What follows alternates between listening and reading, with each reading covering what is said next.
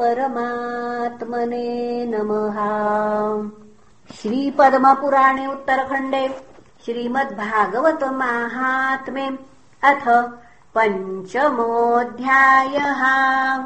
सूत उवाच पितर्युपरते तेन जननी ताडिता भृशम् क्व वित्तम् तिष्ठति ब्रूहि हनिष्ये लत्तया न चेत् इति तद्वाक्यसन्त्रासाज्जनन्या।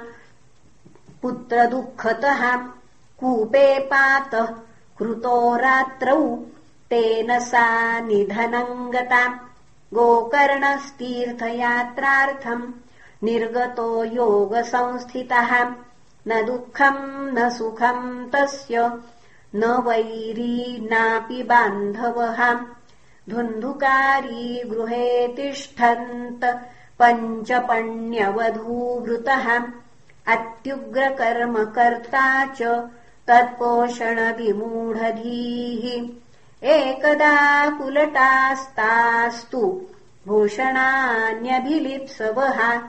तदर्थम् निर्गतो गेहात् कामान्धो मृत्युमस्मरन्।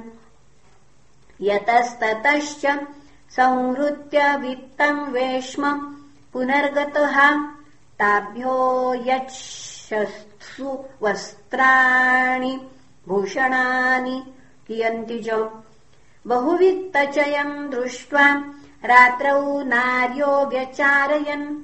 चौर्यम् करोत्यसौ नित्यमतो राजा गृहीष्यति।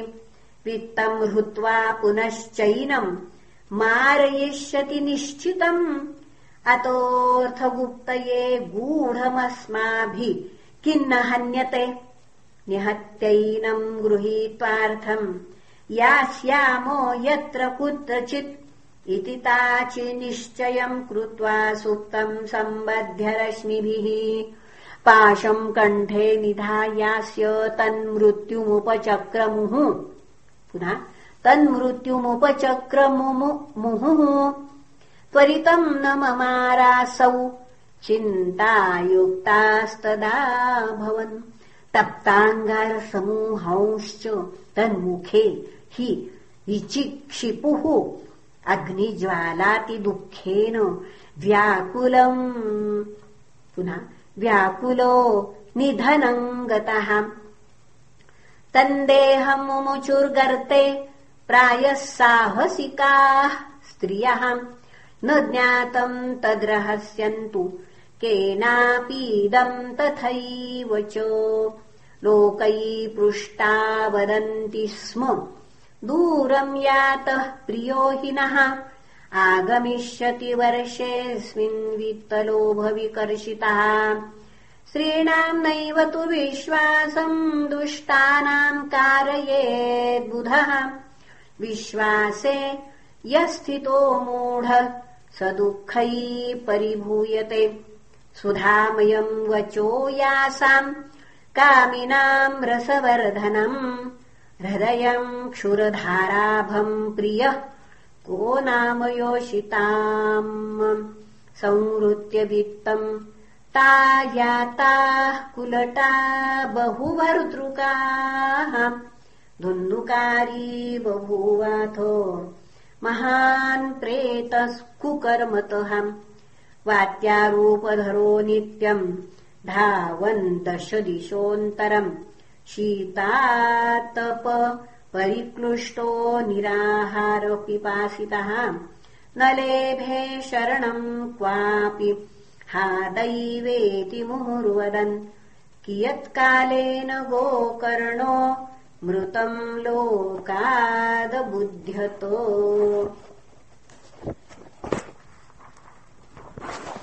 अनाथन्तु श्राद्धमचीकरत् यस्मिंस्तीर्थे तु संयाति तत्र श्राद्धमवर्तयत्। एवम् पुनः एवम् भ्रमन् स गोकर्ण स्वपुरम् समुपेयिवान्। रात्रौ गृहाङ्गणे स्वप्तुमागतो लक्षितः परैः। तत्र सुप्तम् स विज्ञाय धुन्धुकारी स्वबान्धवम्। निशीथे दर्शयामास महारौद्रतरम् वपुः।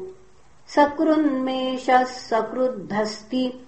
सकृच्च महिषोऽभवत् सकृदिन्द्रः सकृच्चाग्निः पुनश्च पुरुषोऽभवत् वैपरीत्यमिदम् दृष्ट्वा कोकर्णो धैर्यसंयुतः अयम् दुर्गतिकः कोऽपि निश्चित्याथ तमब्रवीत। गोकर्ण उवाच कस्त्वमुग्रतरो रात्रौ कुतो यातो दशामि माम्। वा प्रेतः पिशाचो वा राक्षसोऽसीति शंसनः।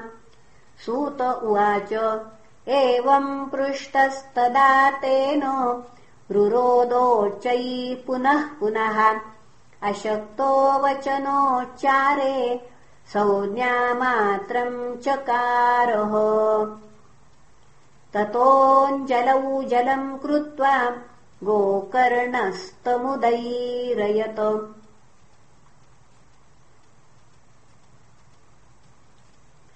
तत्सेकहतपापोऽसौ। प्रवक्तुमुपचक्रमे प्रेत उवाच। अहम् भ्राता त्वदीयोऽस्मि धुन्धुकारीति नामतः।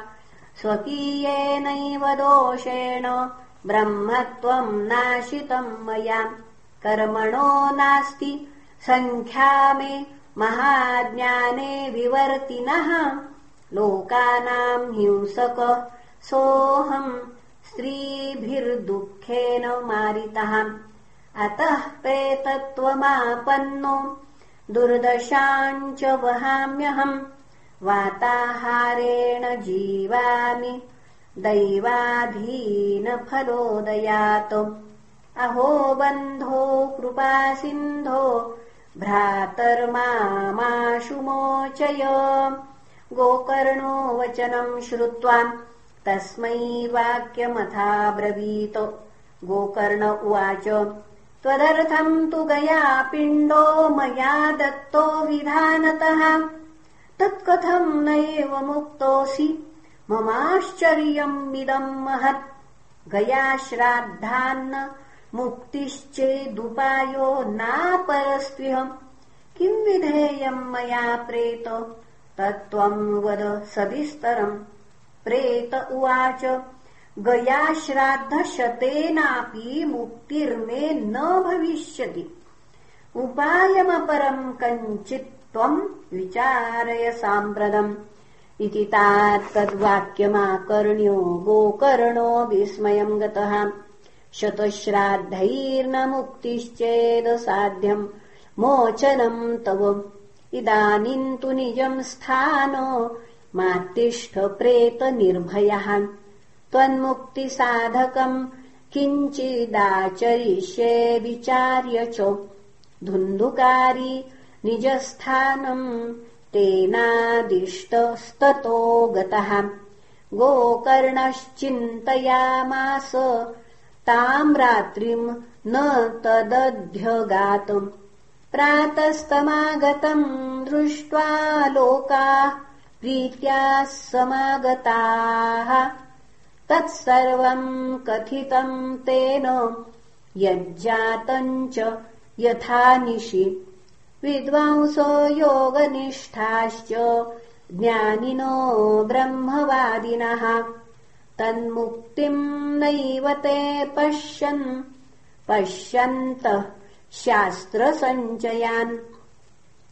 ततः सर्वैः सूर्यवाक्यम् तन्मुक्तौ स्थापितम् परम्। गोकर्णस्तम्भनम् चक्रे सूर्यवेगस्य वै तदाम् तुभ्यम् नमो जगत्साक्षिम् ब्रूहि मे मुक्तिहेतुकम्। तच्छ्रुत्वा दूरत सूर्य स्फुटमित्यभ्यभाषत श्रीमद्भागवतान्मुक्तिः सप्ताहवाचनम् कुरु इति सूर्यवचः सर्वैर्धर्मरूपम् तु विश्रुतम् सर्वे ब्रुवन् प्रयत्नेन कर्तव्यम् सुकरम् त्विदम् गोकर्णो निश्चयम् कृत्वा वाचनार्थम् प्रवर्तितः। तत्र संश्रवणार्थाय देशग्रामाज्जनाययुः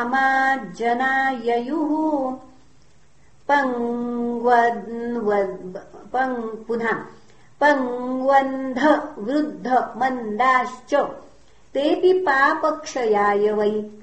समाजस्तु महान् जातो देवविस्मयकारकः। यदैवासनमास्थाय गोकर्णो। कथयत्कथाम् स प्रेतोऽपि तदायात स्थानम् पश्यन्नितस्ततः। सप्तग्रन्थियुतम् तत्रापश्यत् कीचकमुच्छ्रितम् तन्मूलछिद्रमाविश्य। श्रवणार्थम् स्थितौ पुनः स्थितो ह्यसौ। वातरूपि स्थितिम् कर्तुमशक्तो। वंशमाविशत्। वैष्णवम् ब्राह्मणम् मुख्यम् श्रोतारम् परिकल्प्य सः। प्रथमस्कन्धतः स्पष्टमाख्यानम् धेनुजोऽकरोत् दिनान्ते रक्षिता गाथा तदा चित्रम् बभूवः वंशैकग्रन्थिभेदोऽभूत्स शब्दम् पश्यताम् सदाम् द्वितीयेऽह्नि तथा सायम् द्वितीयग्रन्थिभेदनम् तृतीयेऽह्नि तथा सायम् तृतीयग्रन्थिभेदनम् एवम् सप्तदिनैश्चैव सप्तग्रन्थिविभेदनम् कृत्वा स द्वादशस्कन्दश्रवणात् प्रेतताम् जहौ। दिव्यरूपधरो जातस्तुलसीदाममण्डितः पीतवासा घनश्यामो मुकुटीकुण्डलान्वितः। न नाम भ्रातरम् सद्यो गोकर्णमिति चाब्रवीत। त्वयाहम् मोचितो बन्धो कृपया प्रेतकश्मलात्। धन्या भागवती वार्ता प्रेतपीडाविनाशिनी सप्ताहोऽपि तथा धन्य। कृष्णलोकफलप्रदः। कम्पन्ते सर्वपापानि। सप्ताहश्रवणे स्थिते। अस्माकम् प्रलयम् सद्यः।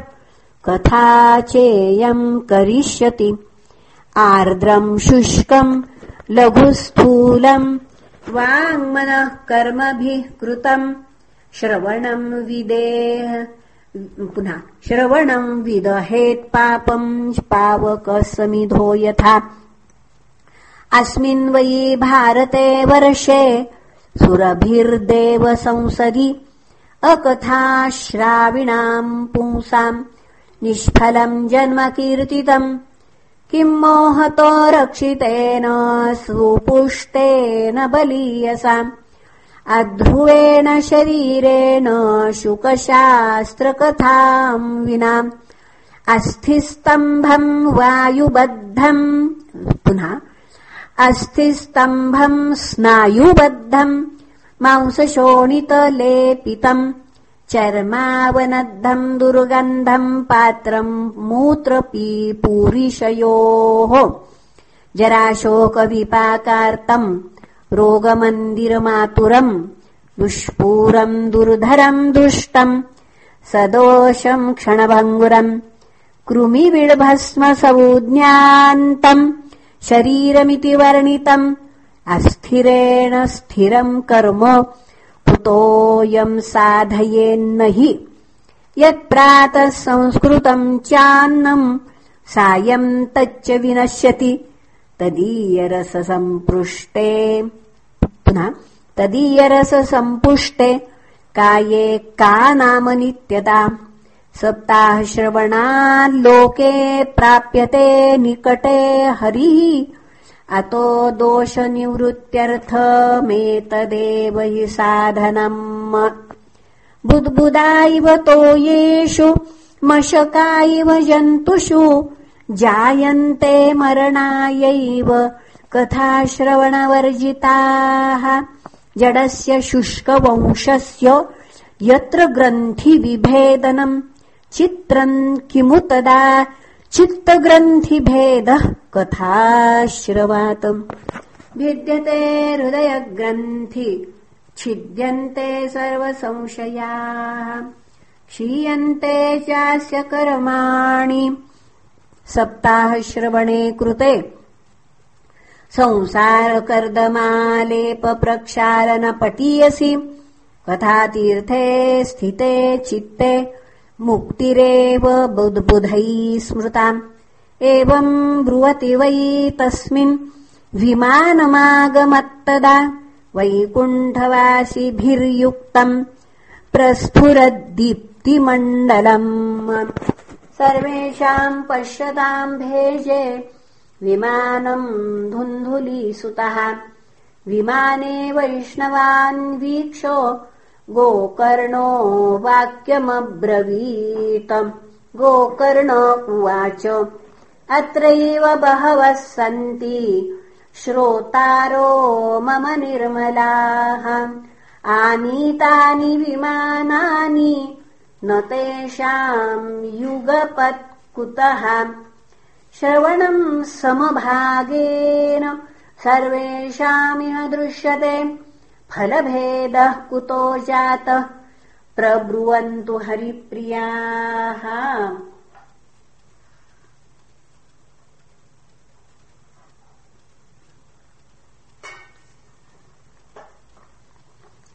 हरिदासा ऊचुः।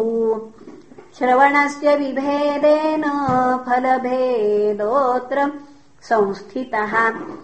श्रवणम् तु कृतम् सर्वैर्न तथा मननम् कृतम्। फलभेदस्ततो जातो भजनादपि मानद सप्तरात्रमुपोष्यैव प्रेतेन श्रवणम् कृतम्। मननादि तथा तेन स्थिरचित्ते कृतम् भृशम्। अदृढम् च हतम् ज्ञानम् प्रमादेन हतम् श्रुतम् सन्दिग्धो हि हतो मन्त्रो व्यग्रचित्तो हतो जपः। अवैष्णवो हतो देशो हतम् श्राद्धमपात्रकम्। हतमश्रोत्रिये दानमनाचारम् हतम् कुलम्। विश्वासो गुरुवाक्येषु स्वस्मिन् दीनत्वभावना। मनोदोषजयश्चैव कथायाम् निश्चलामतिः। एवमादिकृतम् चेत् स्यात्तदा वै श्रवणे फलम्। पुनः श्रवान्ते सर्वेषाम्। वैकुण्ठे वसति ध्रुवम्। गोकर्ण तव गोविन्दो। गोलोकम् दास्यति स्वयम्। एवमुक्त्वा ययुः सर्वे वैकुण्ठम् हरिकीर्तनाः श्रावणे मासि गोकर्णो कथामूचे तथा पुनः सप्तरात्रवतीम् भूय श्रवणम् तैः कृतम् पुनः। कथासमाप्तौ यज्जातम् श्रूयताम् तच्च नारद विमानैः भक्तैश्च हरिराविर्बभूवः जयशब्दा नमः शब्दास्तत्रासन् बहवस्तदा। पाञ्चजन्यध्वनिम् चक्रे हर्ष्यात्तत्र स्वयम् हरिः। गोकर्णम् तु समालिङ्ग्याकरोत् स्वसदृशम् हरिः।